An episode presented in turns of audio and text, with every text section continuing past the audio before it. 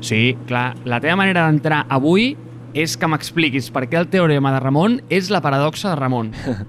Bueno, volia entrar d'una altra manera, però bueno, molt ràpid això. La... És una paradoxa de Ramon perquè... És a dir, un teorema és una cosa que, que passa i ja està, però la paradoxa de Ramon era, eh, ho vam dir fa un parell de capítols, que era si tothom és tonto, ningú és tonto. O si, si tots els éssers vius de la Terra som humans, ningú és humà. O si tots els humans dins de la Terra tenen un IQ de 140, ningú té un IQ de 140. Per què? Perquè l'IQ deixa d'existir. Tot i així, com que està imprès dins de la persona, és a dir, com que, com que ve implícit ja per la persona que una persona és tonta, si tots som tontos, llavors és una paradoxa, perquè som tontos i no som tontos a la vegada. Has sentit això? És a dir, si... Hosti, és que ahir tenia molt bons exemples quan ho estava, quan ho estava parlant. No, però, però jo entenc el teu punt. És a dir, si tot és d'una manera, no hi ha una altra manera de ser d'aquella manera. Per tant, no existeix com... Eh, com et diria, com l'alternativa. És a dir, si totes les tasses són negres, no hi ha tasses blanques. Llavors, no, en el, en el mapa de coneixement no existeixen tasses blanques. Bueno, llavors, totes les tasses són negres, tot i així eh, no existeixen tasses d'altres colors, per tant són tasses normals. Llavors, són normals i negres a la vegada. Saps el que vull dir? És a dir, una persona pot ser no tonta, però tonta a la vegada, amb aquesta paradoxa. Per això és una paradoxa, més que un teorema. Entens? Vale, vale, vale. Veig per on vas. És a dir, la idea aquí és que malgrat tu siguis, no se't pot categoritzar com a tal perquè com que no hi ha alternativa és el, és el teu per defecte. Exacte, ve implícit amb el que tu ets. És a dir, tu ets d'aquella manera però no hi ha una altra, una altra manera per descriure't. Llavors, si tinguéssim més coneixement et podríem descriure com a X o Y, però com que no n'hi ha, ho ets i no ho ets a la vegada. Bé, um, hòstia, no, no comencem així perquè han perdut amb mitja audiència aquí. Amb tots vostès, la paradoxa de Ramon. Molt bé, noi. Amb això, creu-me que no et faràs ric. No, però, però mira, sé perfectament com començar aquest capítol i és que mm, a tu no t'agrada parlar de futbol, a mi m'encanta parlar de futbol. Llavors, ahir estàvem mirant el pla econòmic del Joan Laporta Ah. per les eleccions del, del Barça. I vaig veure una cosa fascinant, tio. Em, em, em va fascinar. Que vaig pensar, superbona idea. Que va ser, com farà el Barça calés en un futur? Llavors, quan tu, quan tu comences a pensar, i, i no m'extindré massa aquí, eh? però quan tu comences a pensar quines són les vies d'expansió d'un equip de futbol, el futbol pot fer... eh, És a dir, mm, el el futbol al final és entreteniment. I una de les coses que, que proposava la porta és els esports. Que el Barça tingués un equip d'esports. I això, veure-ho com un com una via d'expansió que, eh, és a dir, pràcticament no està ni tocada, eh, sobretot aquí a Barcelona, enorme. I vaig pensar, hòstia, és una grandíssima idea, perquè tot i que la gent, la majoria de gent no ho sàpiga, això, els esports mouen més calés, o pràcticament més calés, sobretot als Estats Units, que, i, i, i a l'Àsia, que els esports tradicionals. I dius, hòstia, clar, o sigui, els esports tradicionals, penso que ho mirava l'altre dia, em penso que mouen 400 bilions a l'any i coses així, o sigui, la NFL, per exemple, que és el que mou més calés. Um, o, o 200, i em penso que els esports a escala mundial en mouen 400. No sé, no sé els números, mm, però més o menys. I llavors penso, hòstia, és una gran via d'expansió i, i imagina't que el Barça del futur potser és... O sigui, potser no hi ha un Messi. Potser hi ha una persona creada aquí amb 3D i un equip de 11 futbolistes que juguen i els futbolistes juguen amb un mando. Hòstia, em sembla, em sembla apassionant aquesta idea. Hòstia, Ramon, últimament amb les entrades i connectant la temàtica dels episodis amb coses que semblen que no estan relacionades, estàs fort, eh?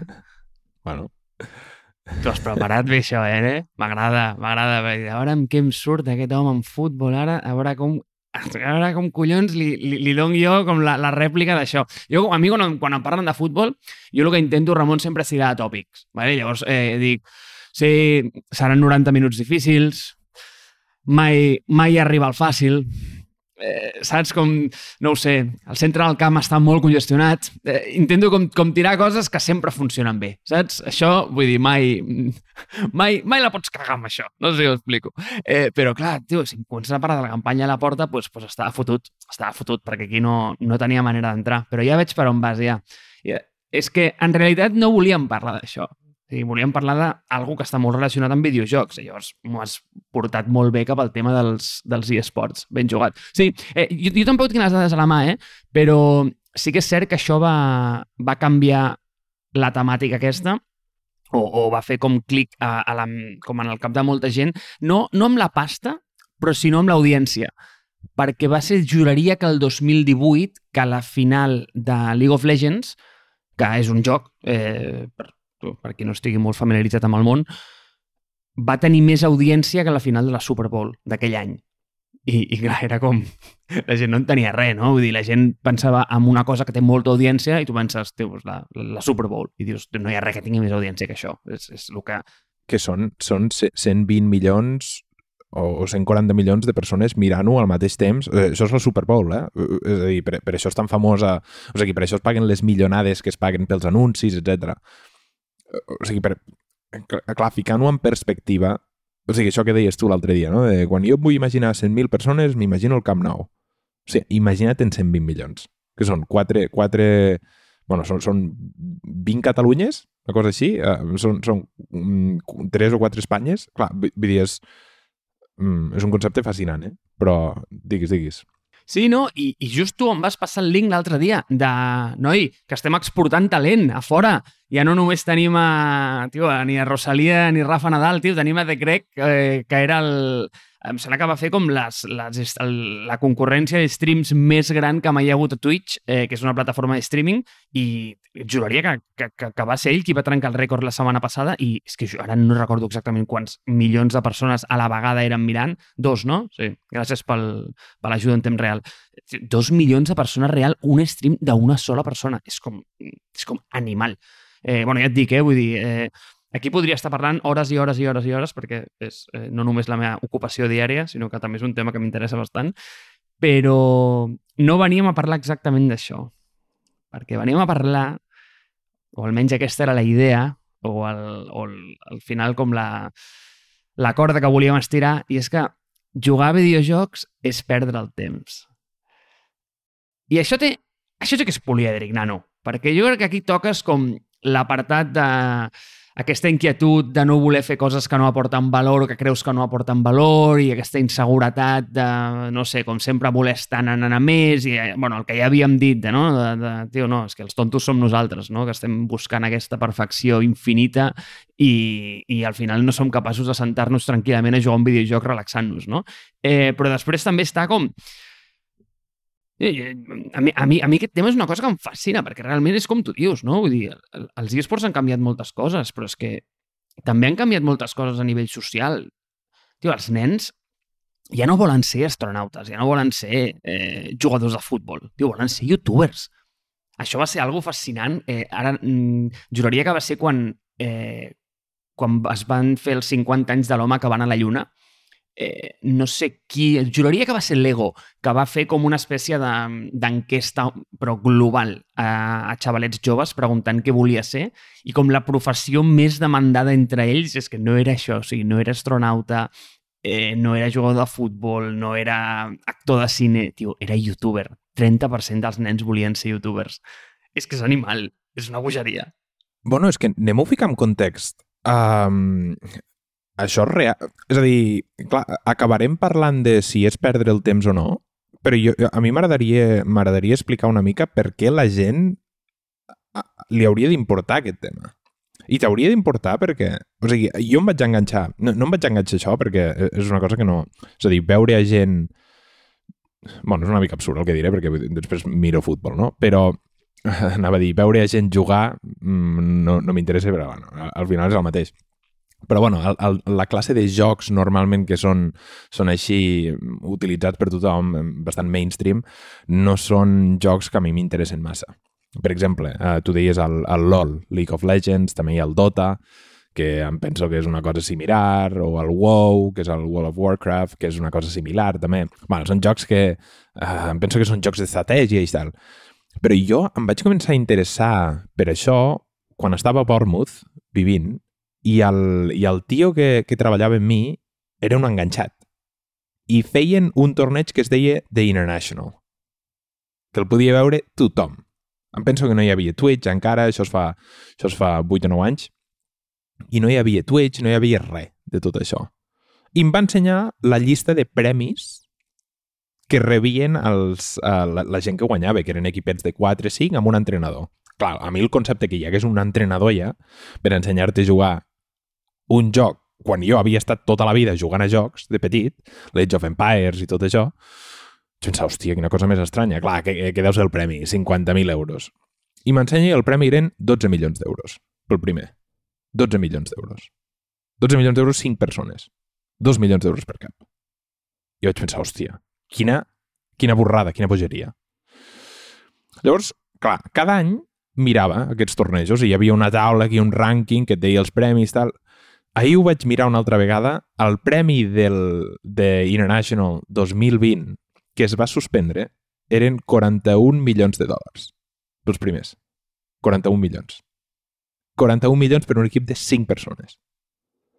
O sigui, clar, quan entens aquesta magnitud, no vull, no vull dir de la tragèdia, però quan entens aquesta magnitud de calés que es mouen, dius, hòstia, clar, o sigui, com pot ser que jo o la persona, les persones al meu voltant no estiguem a dins d'aquest món? Llavors, això per una banda. És a dir, la, la tesi és això es farà enorme. Si ja mou els calés que mou, i no estem parlant eh, de que els patrocine eh, el, el Paco del poble o, o la Maribel de la copisteria Maribel, no, no, o sigui, patrocine Volvo, patrocine Audi, patrocine eh, Futbol Club Barcelona i patrocine Nike, m'entens? I aquesta gent escalfe. Jo quan els veia escalfant els dits pensava, però què, què esteu fent? I sí, sí, la gent escalfe perquè van a una velocitat enorme. Llavors, per això t'hauria d'importar aquest tema. O sigui, per això, i per, pel que tu has dit i has introduït, l'streaming. El tio aquest que has dit, el murcià aquest, va tenir dos milions de visites al mateix temps, que em penso que ni, no estava ni jugant, però no, no, no ho he vist, però bueno, dos milions de persones al mateix temps per cap d'any. Es va petar l'audiència de totes les cadenes probablement juntes, pràcticament. Llavors, quan tu penses això, dius... Hòstia, quan tu tens un reach de 2 milions de persones, qu qu qu quina tirada té la Vanguardia? 200.000? 300.000? 400.000? És igual. Tio, quina influència tens cap a qualsevol persona? És a dir, un tio que té 500.000 visites diàries, perquè estem parlant diari, quina influència té sobre la gent? Hòstia, em sembla... Em sembla aquest és el tema que em sembla fascinant. O sigui, el tema de jugar ok. Em sembla... O sigui, hi entrarem, eh? I vull entrar, perquè també tinc opinions sobre si és perdre el temps o no, és perdre el temps. Però jo quan vaig veure el PewDiePie, que és un tio que es va... és un youtuber que es va fer famós jugant a... com es diu el joc? El, el Minecraft. Merda de joc. I, i ficava... Bueno, bueno, no sé, no hi he jugat mai, però bueno, vull dir, uns gràfics que són un drama. Però bueno, aquest tio ficava un vídeo cada dia cada dia rebia 2,5 a 4 milions de visites. Però tu... Però si això és mig Catalunya. Mig Catalunya mirava en aquest tio. Aquest tio té una influència. És que probablement és un dels tios més influents del món ara mateix. I no ens n'adonem. I després, clar, els mirem i l'altre dia em deia un, una, una amiga, em deia és que em sembla indecent que cobrin tant. I penso, amb la influència que tenen, però bé, monòleg, monòleg de 5 minuts, perdona. T'ho passo. O sigui, a, a, aquest és el, el, el nucli de per què penso que la gent li hauria d'importar. Aquesta gent té influència brutal, mou una mà de pasta i, com has dit tu bé, això són les feines del futur, tio. O sigui, em sembla fascinant, aquest esport. És que... No, no, que no és un monòleg, Ramon, collons, és que és bo, és que és, que, és, que és així, és que és, és, és que ja et dic, és, és el que hi ha. Vull dir, molta gent que es pensa que això és el que vindrà, és el que hi haurà. No, no, o sigui, és que això està passant. I sobretot per posar-ho en context, eh? perquè hi han dues coses molt diferents, que una és com la teva audiència, és a dir, els, els teus canals de subscriptors, és a dir, anem a dir, hi han molts tios que tenen milions en el canal de subscriptors, però el que tu deies del murcià aquest és que l'estaven mirant a la vegada dos milions de persones. I això, si la meva matemàtica bàsica funciona bé, són 20 camps nous. Val? O sigui, de la manera de comptar, un al costat de l'altre, tots mirant el paio aquest, no? I és que és, és, que, és que és brutal. O sigui, hi ha molt poques coses en el món i menys com... Perquè una cosa és un event, que al final eh, ben mogut per, per, per mil influències eh, i per mil dinàmiques, però una sola persona que pugui capitalitzar dos milions de persones mirant-la al mateix moment i amb una concurrència, és que és, que és impressionant. I Tio, tinc dos punts sobre el que has dit, perquè mira, a mi, eh, jo em vaig donar compte que això era una, una bogeria, vale? que, que literalment la gent estava boja per això, quan fa uns anys eh, vaig tenir la sort d'anar al, al Gamergy, que és com una fira d'eSports que es fa a Madrid. Dic la sort perquè l'any següent ja no es va fer, ¿vale? perquè bueno, tot el tema del Covid i tal. Tio, quan vaig veure allò, vaig dir, nen, o sigui, això és el futur. O sigui, és, és, és que és claríssim. És que és claríssim. Tio, ens van posar com una espècie d'estadi. Evidentment no era un camp nou perquè era un recinte tancat, però la passió amb la que la gent vivia allò... I llavors, clar, tu miraves al costat i veies un tio eh, amb, quasi, quasi com una bandera i amb un... Com es deia allò de, que portaven en els, en els mundials? Eh, allò que es pitava... Eh, com es deia allò? Eh, tio, que, no, no, és que em surt en bomba, però... No. Bubucela! Una bubucela. D'allò, però, tio, amb unes merdes d'aquestes i, tio, com amb un engagement increïble, o sigui, eh, estaven com estàtics, vale? Eh, i a baix hi havia el que tu dius, o sigui, tios jugant amb un mando. Val? I, I amb una pantalla gegant veient el League of Legends. Val? A mi això em va semblar com... Tio, això està movent el món. Però és que és, que, és, que, és, que és brutal. I després eh, hi han documentals a Netflix de, de League of Legends i de... Eh, I res, això, de, de, de com el, els e-games han canviat eh, aquestes dinàmiques, que realment són una autèntica bogeria. De fet, recordo que durant el confinament mons pares ho van descobrir quan van veure com un documental de TV3 o no sé què que, que es feia sobre això i jo, bueno, o sigui, no van entendre a què em dedicava, però, però sí que van entendre més o menys eh, amb quin fregau estava ficat, ¿vale? Eh, llavors, això, tio, el primer. Però la segona, Ramon, que, que has dit, i m'ha semblat super interessant, i és que em dius, és que jo mai miraria algú jugar, ¿vale? I jo això també ho he dit mil cops, ho he dit mil vegades, mil vegades. Hasta que una persona em va fer canviar d'opinió. I em va dir, mira, i, i, i és l'argument que solto ara cada vegada que algú em diu això perquè em sembla brillant. I és que pels més seniors de, de l'audiència, a lo millor recorden un lloc... Tio, tu, Ramon, això no ho recordes, eh? Tu ets jovenet, eh, xato? bueno, de fet, jo tampoc ho recordo, però, però sé quina és la idea. Eh, és la idea aquesta del, de l'arcade com un lloc on tu anaves i jugaves. I llavors allà hi havia doncs, màquines, no? Tio, estava com el, el del Rally, eh, el de la Street Fighter... Doncs hi havia totes les màquines. Què feia la gent? Tio, la gent es ficava com darrere de la màquina del paio que jugava bé. I llavors, tio, el, el tio que la tocava, la gent com que s'aglomerava darrere per anar-lo a veure i per veure què feia i tal, no? I, tio, això, portat a internet, és el mateix. És un paio que juga bé, eh, pues, pues tu pues, capitalitza audiència, el que passa és que, clar, quan l'espai no està limitat pels 3 metres quadrats que hi ha darrere la pantalla, clar, pues aquestes merdes és el que passa. I mira, mm, jo vaig començar a mirar streams bèsties, va ser quan es va cancel·lar ara durant el Covid la Fórmula 1, que, com et diria, els, els pilots van començar a fer en paral·lel, evidentment d'una forma no oficial, però esponsoritzat per la, per, per, per la F1, o sigui, per l'organització, eh, van començar a muntar com el campi... la part que quedava de campionat eh, a través del, de l'F1 2020, el joc. I, tio, i veies a la penya jugar i és que el bo és que estaven Tio, estava allà pues, Fernando Alonso, Vettel, eh, corrent, i hi havia paios que no eren corredors de la Fórmula 1 que els, que, tio, que els estaven codejant, que s'estaven posant com al seu costat. I tio, però com collons aconsegueixes aquest paio cobra milions per fer això? O sigui, com, com estàs aquí davant? I era boníssim com escoltar l'stream dels tios, perquè deia, joder, tio, com ho fot aquest paio per estar aquí, saps? O sigui, com els tios estaven com mig cabrejats, era boníssim. Era boníssim, tio. Bueno, és que això que dius de l'arcade, a, Los Angeles hi ha, hi ha un bar encara que, que tires monedes i, i d'allò, el que, el que... Bueno, diverses coses aquí. Jo me'n recordo... Jo, jo vaig mirar streams. Vaig mirar streams perquè estava fent una plataforma de vídeo i perquè volia agafar inspiració i volia veure com ho feien, etc. I... I, tio, re, a, a, a aquell mes o aquell any, Red Bull havia, havia pagat a, a Ninja. Ninja és un streamer de, de Fortnite. Bueno, suposo que fa més coses, però bueno, és igual. Un tio de, de 29 anys amb el, amb el pèl blau que, que s'ha creat aquesta marca, Ninja. I el miren cada dia, doncs això. És igual. Bueno, un segon.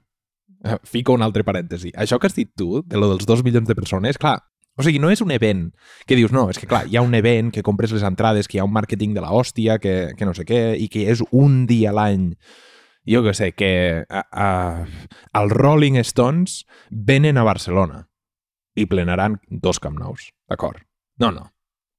Això és un tio random que avui obre l'ordinador i es fica a, a fer streaming. I de cop, 500.000 persones diuen hòstia, aquest tio està fent streaming, anem a veure'l. O sigui, bueno, em peta el cap ja amb això. Però, però, però el que et deia del, de l'arcade, he estat a punt de perdre. El que et deia, el que et deia de l'arcade i el que et deia de, de mirar, doncs això, Ninja. I jo vaig començar a mirar Ninja.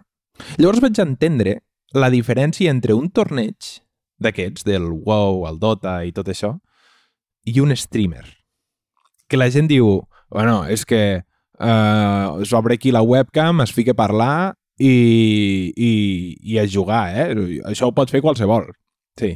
Com qualsevol pot xutar una pilota. Cabrons. Eh? Que tothom aquí ens pensem que podem ser Messi i que Messi ho ha tingut fàcil a la vida i que us donguin pel cul perquè el Messi és el millor jugador de la història. Que també, aquesta és la segona analogia que faré de futbol i ja està. Llavors, aquesta gent no només ha de ser bona amb el joc, que li interessa a molta gent, perquè aquesta és l'altra, o sigui, es van llançant jocs, ara, per exemple, s'ha ficat molt de moda el Rust, fantàstic. Eh, L'Among Us va ser fa poc, i van canviant aquests jocs. No només has de ser bon en aquest joc particular que la gent li interessi, perquè vull dir, la, la, la pool de gent que mire o la, la piscina de gent que mire uh, Age of Empires és molt més petita.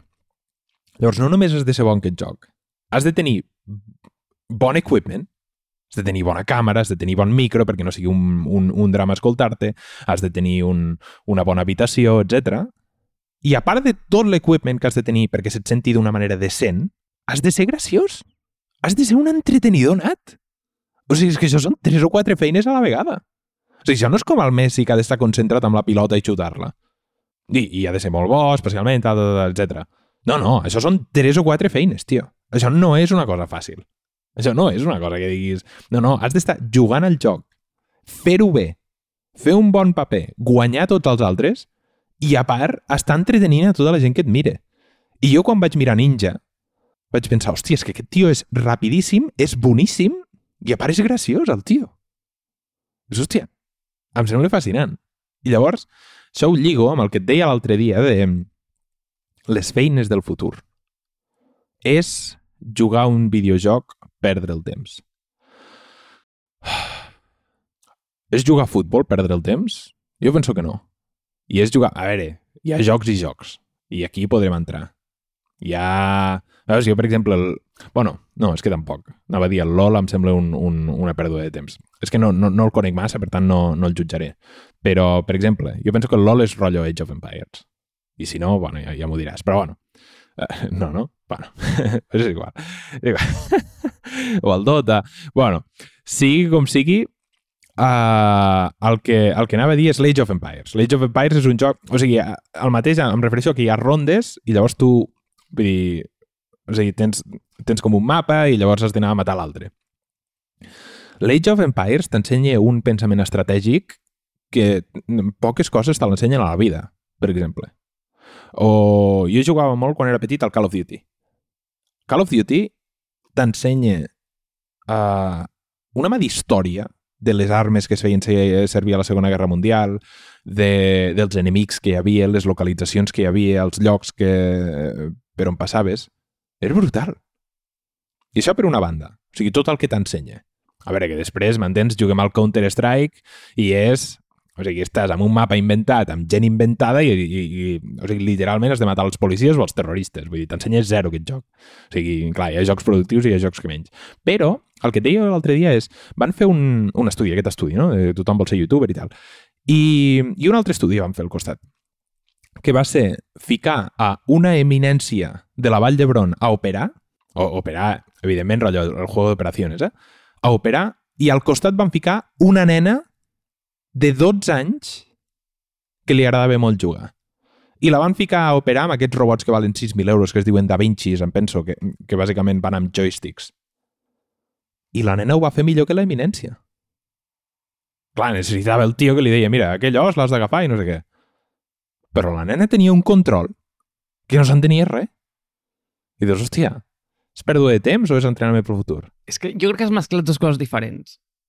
O sigui, una cosa és pèrdua de temps i l'altra és, ei, això em portarà o m'obrirà el camí cap a una feina o cap a un futur professional i sobre el tema de la pèrdua de temps jo no ho crec. A veure, ben empleat realment un joc, si, si el penses des d'un des punt de vista molt fonamental, és bàsicament un... és un mecanisme que et permet generar repeticions i iteracions molt curtes eh, sobre pues això, sobre un skill eh, i perdó que digui skill, però no sé com es diu en català, eh, sobre una qualitat en, en, en particular, amb, amb un, com amb un loop molt curt. És a dir, perquè tu tens un feedback molt ràpid. Eh, en el moment que algú et mata Call of Duty, eh, ja has vist que has fet malament i pots tornar a entrar i pots tornar a practicar. Això es donen molt poques dinàmiques a la vida. És a dir, a vegades eh, ens preparem com, no sé, tres mesos per un gran event i quan passa l'event ja està, ja, ja no pots aprendre res més d'això. En canvi, un joc et permet, d'alguna manera, el que tu deies, no? l'Age of Empires, el Call of Duty, eh, et permet mm, practicar coses de manera molt ràpida i iterar-les molt, molt ràpid tenint aquest mecanisme de feedback instantani. I crec que et permet millorar molt en aquest vertical. Si, ets, si realment ets capaç de capitalitzar en això, és el que tu dius, no? Pots aconseguir a la nena que opera millor que un, que un cirurgià. Què és el que a mi em preocupa? Eh, que això es vegi com un camí potencial cap a tenir una feina eh, o cap a un futur professional. Per què? Ja em diràs, Marc, tio, t'estàs contradint perquè tu bàsicament et dediques a això. En, en gran part sí, o sigui, en gran part la meva ocupació professional és aquesta, eh, no és la, la de creador de contingut, però sí que crear una plataforma que permeti a la gent guanyar-se la vida de la seva passió. Val? Això és el que jo faig. Què és el que em preocupa? Em preocupa Mira, tornem a l'exemple de l'arcade, d'acord? Tenim un tio a darrere. Eh, perdona, tenim un tio jugant i tenim 20 tios a darrere mirant. I aquest tio és de Tàrrega, ¿vale? com el Ramon. I està a l'arcade de Tàrrega. I té 20 tios a Tàrrega perquè tio, és el millor tio de Tàrrega, val? I és un tio bastant mediocre, però és el millor de Tàrrega. En canvi, pues, al poble del costat, anem a dir, mm, a Pons, hi ha un altre arcade i hi ha un altre tio que és bastant bo, no és el millor tampoc, és una mica millor que el de Tàrrega, però tampoc sou maig. Eh, i, ju i, i jugues també i té com 20 tios mirant-lo. Llavors, això es pot replicar en cada un dels pobles de Catalunya i ho pots portar com eh, a escala la que vulguis, no? Per tant, tens d'alguna manera com una classe mitja, anem a dir, de gent que no és un superstar, però és el millor del poble. Val? No, no, no té una pressió per, per competir amb el tio de, no sé, de Nantes, el de París o el de Tombuctú. Val? Què passa a internet? Tio, pues això no és veritat. O sigui, internet, d'alguna manera... Mm, bueno, això és un estudi molt famós d'un d'un paio, però això és dels anys 80, eh? un tio que es deia Rosen o alguna així, que eh, va ficar aquest exemple de que tres músics mediocres no fan o no sumen una, una orquestra acollonant. Val? Eh, en canvi, a internet això sí que passa. És a dir, si tu tens un tio que és el millor, si ets de Tàrrega, per què collons has de mirar el tio de Tàrrega o el tio de, de no sé, de Vilaller? O sigui, tio, tu vols mirar el millor. I és igual si el millor és de no ho sé, és de Berlín o, o és de Seattle. O sigui, tu miraràs aquell paio. Llavors, clar, les dinàmiques d'internet el que fan és que no promoguin la creació d'aquesta classe mitja. I a mi això és una que em té com molt preocupat.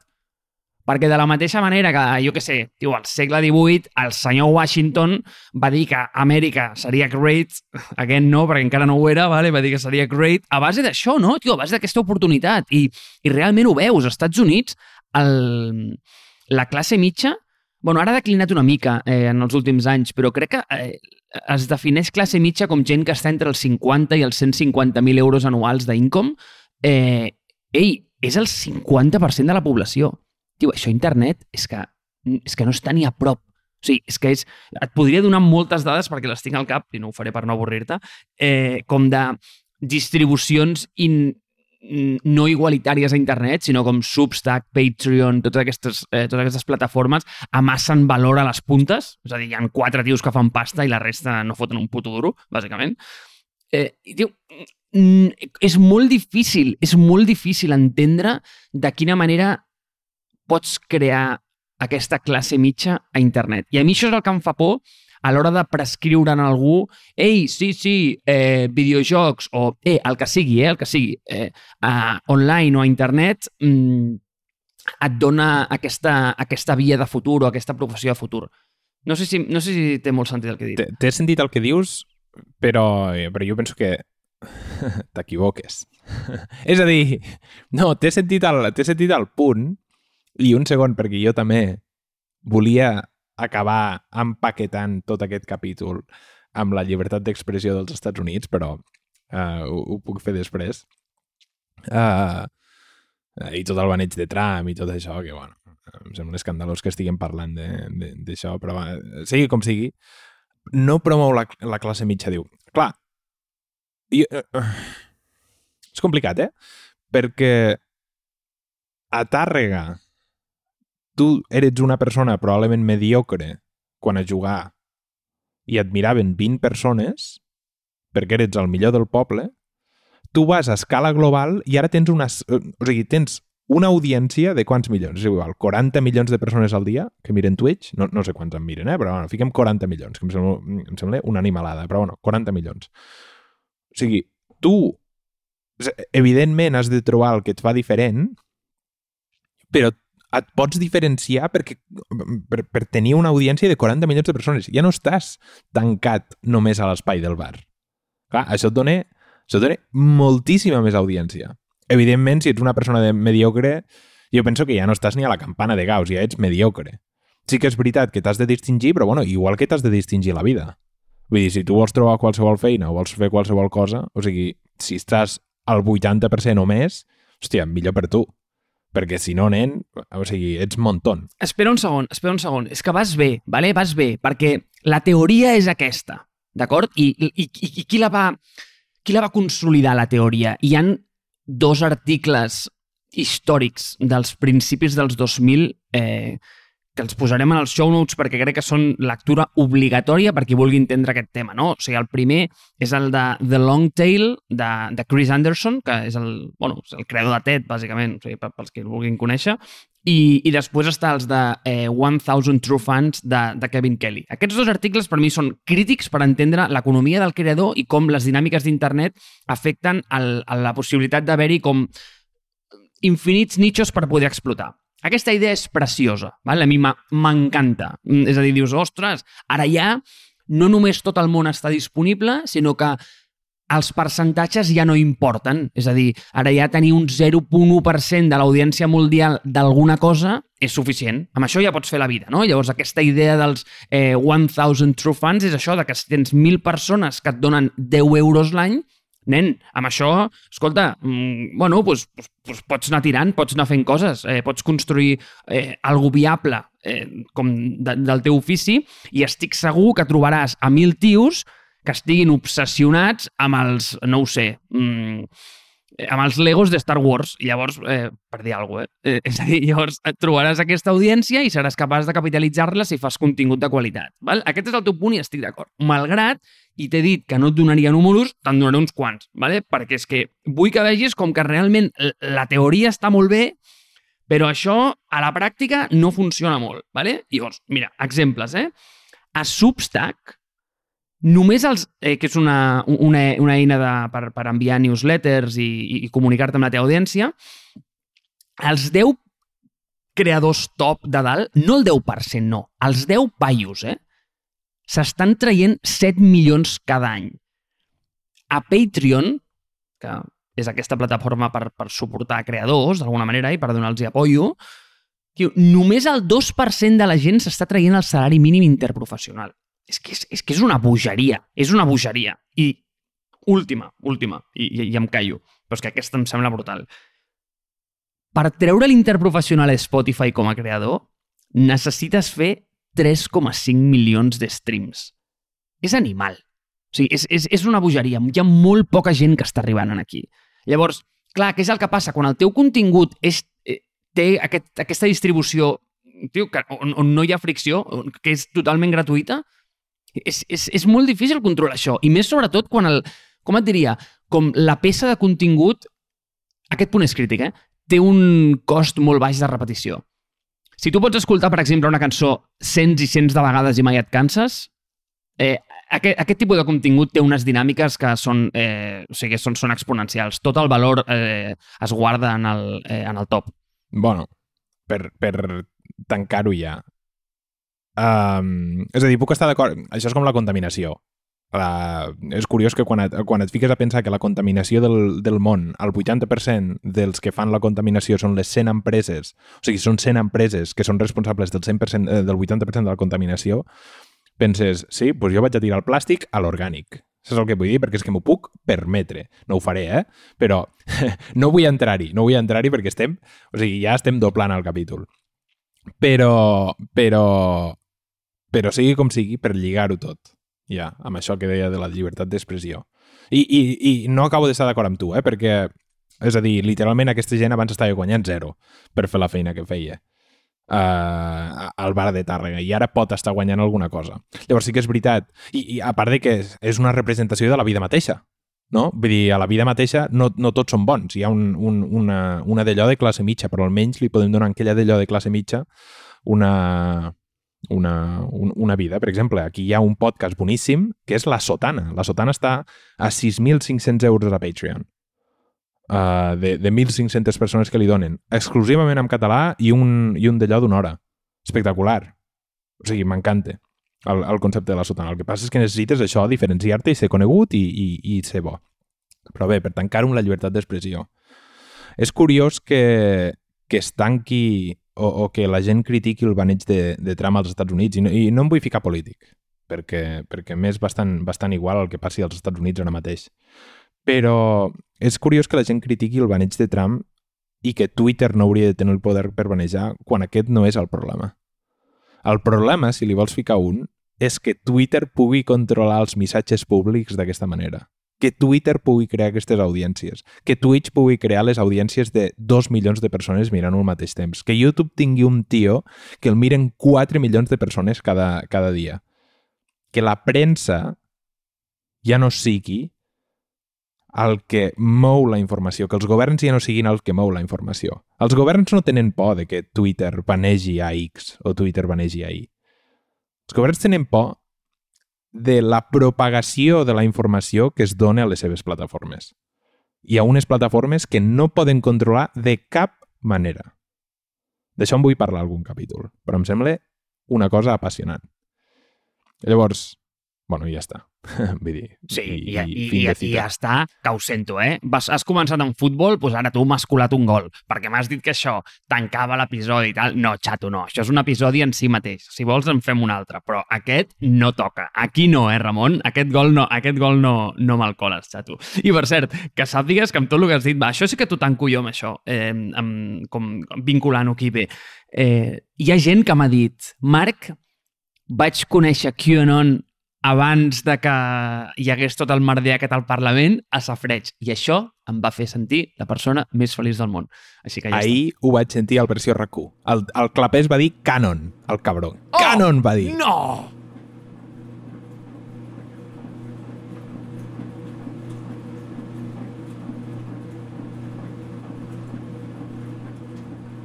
Ara, hem de canviar el value prop, de ficar en 30 minuts.